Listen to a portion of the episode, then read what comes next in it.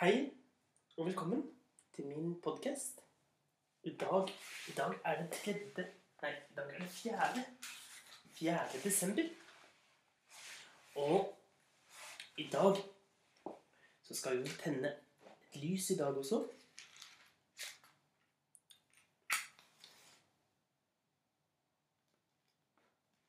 Jeg syns det er så koselig å ha litt lys.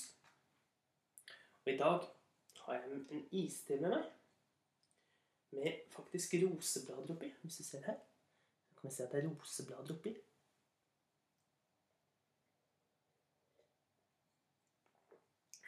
Og vi skal jo fortsette på vår fortelling om historien om julenissen.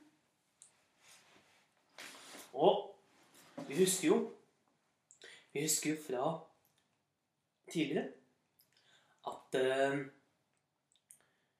Nicolas han ble jo født i en liten fiskelandsby. En liten landsby i Lappland hvor alle var så fattige. Og moren og faren og lillesøsteren til Nicolas, de døde da de møtte en ulv. Og fra den dagen så måtte Nicolas bo ett år hos hver familie i byen.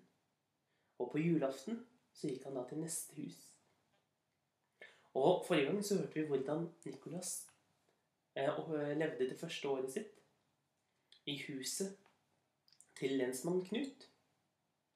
Hvor han ble veldig god venn med en, en som heter Dasher.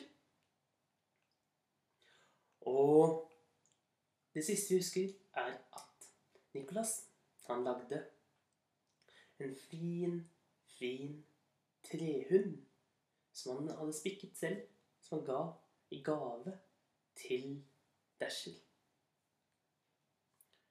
Og nå gikk Nicolas med senket hode. Han visste hvilket hus han skulle gå til, men han gruet seg veldig. Han kjente ikke de. Var en ukjent familie. Og han banket på, og en gammel mann med hvitt skjegg åpnet. Han så bestemt ut. Men når han så Nicolas, så begynte han å smile og sa 'Velkommen inn'. Han bodde der og hadde en liten datter. Og datteren, hun het Julie. Og Nicolas, han hilste. Siden spiste de julemat. Men Nicholas, han gjorde slik han hadde gjort året i forveien. Han ville ikke sitte sammen med noen andre. Så han tok med seg maten og satte seg ut på trappen helt alene. Og så på at snøen dalte. Men etter en stund så ble han også kjent med Julie. Og de begynte å leke sammen. Han lærte snart at Julie, hun var så glad i å danse. Og det hun aller mest lyst til å gjøre, var å danse. Danse til vinden. Danse til vindens farger. Danse slik at det ble både rødt og blått og gult og rosa på himmelen. Og fra da så kalte Nicolas henne for Dancer. Og de ble gode venner. Og når året begynte å nærme seg slutten, da satte Nicolas seg ned og begynte å spikke. Han spikket en fin ballerina. En fin ballerina i tre som han skulle gi til Dancer. Og så spikket han en annen gave til å gi til sin gode venn eh, Dasher, som han hadde blitt kjent med året før. Og på selveste julaften så gikk han og satte igjen en liten trefigur utenfor huset til Dasher. Og satte igjen en gave til Dancer før han gikk ut av døren og gikk til neste hus. Og nok en gang så gruet han seg. Han likte ikke det å måtte bytte familie hele tiden, en gang i året, og spesielt ikke på julaften. Men han gjorde det så, og så gikk han videre. Og han kom til et hus. Der bodde det en annen jente. Hun het Prancer.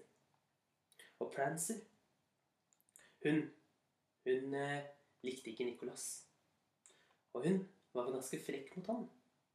Og Nicolas ble lei seg, tok med seg julematen sin, satte seg ut på trappen helt alene og så på snøen som falt. Men når våren kom, en dag så var Prancer ute og lekte. Og med ett så falt hun i elven, i den strie elven, hvor alt vannet rant som hadde smeltet fra snøen.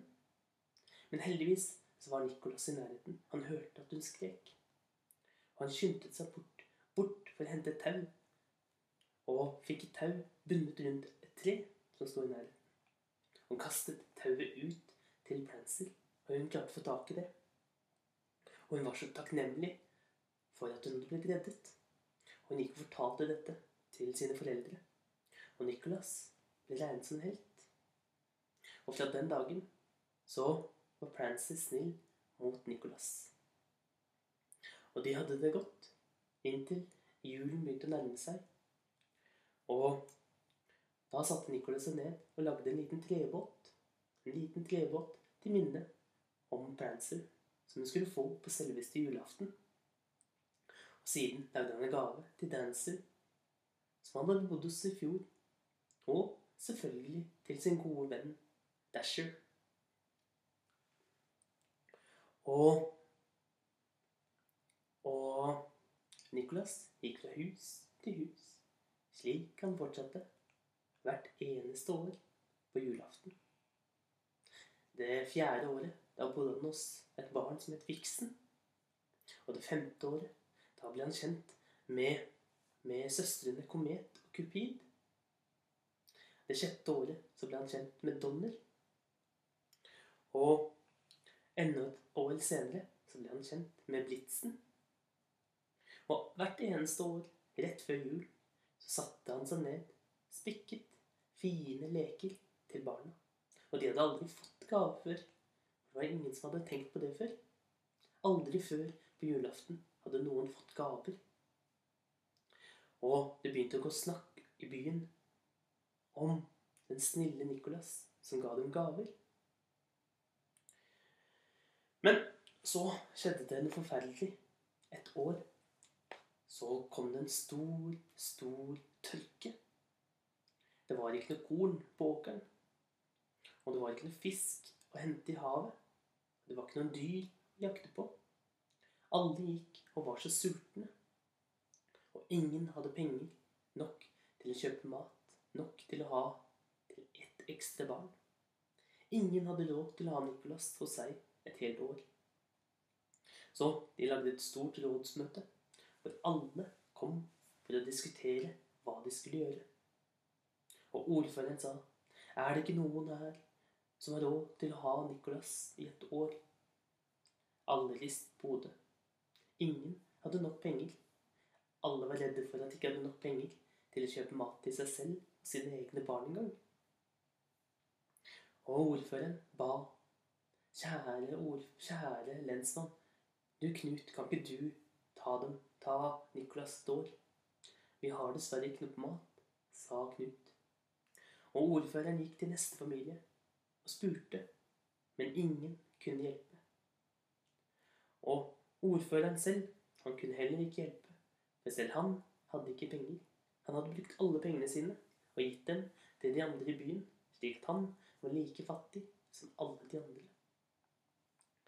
Og de alle sammen lurte veldig på hva de skulle gjøre. Men det var ingen måte at Nicholas skulle få lov, få mulighet til å bo noen steder. Ingen hadde nok mat. Ingen hadde nok penger. Så ordføreren gikk og fortalte dette til Nicholas. Og Nicholas ble så lei seg. Han pakket sammen alle tingene sine. Og så gikk han ut i svarteste natten. Gårde å se om han kunne finne seg et sted hvor han kunne bo, hvor han kunne få mat. Og det var fjerde episoden om historien om julenissen.